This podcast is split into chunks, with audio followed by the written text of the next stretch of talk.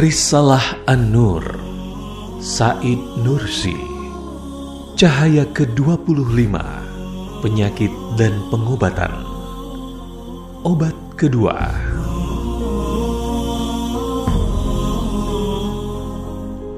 Wahai yang sedang sakit, yang kehilangan kesabaran, berusahalah untuk tetap bersabar. Bahkan hiasilah ia dengan syukur. Penyakitmu itu bisa membuat detik per detik dari umurmu senilai berjam-jam ibadah. Sebab ibadah terbagi dua.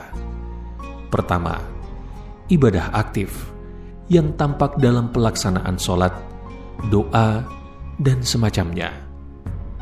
Ibadah yang kedua, ibadah pasif di dalamnya orang yang terkena musibah bersimpuh meminta perlindungan kepada Sang Maha Pencipta yang Maha Penyayang dengan bertolak dari perasaannya yang sadar akan kelemahan dan ketidakberdayaannya dalam menghadapi berbagai penyakit dan musibah.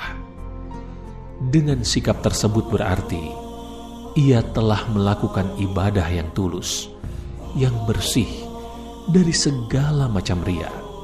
Ya, ada beberapa riwayat sahih yang menerangkan bahwa umur yang dilalui dengan sakit bagi seorang mukmin terhitung sebagai ibadah-ibadah dengan syarat ia tidak mengeluhkan Allah Ta'ala. Bahkan menurut beberapa riwayat sahih dan melalui berbagai kasyaf yang benar ditegaskan bahwa satu detik sakitnya beberapa orang yang bersyukur dan bersabar setara dengan satu jam ibadah penuh. Sementara satu detik sakitnya beberapa orang yang sempurna setara dengan satu hari ibadah. Karena itu wahai saudaraku, janganlah engkau mengeluhkan sakit yang bisa membuat satu detik kesulitan setara dengan seribu detik, serta bisa membuat umurmu panjang. Tetapi bersyukurlah atas sakit tersebut.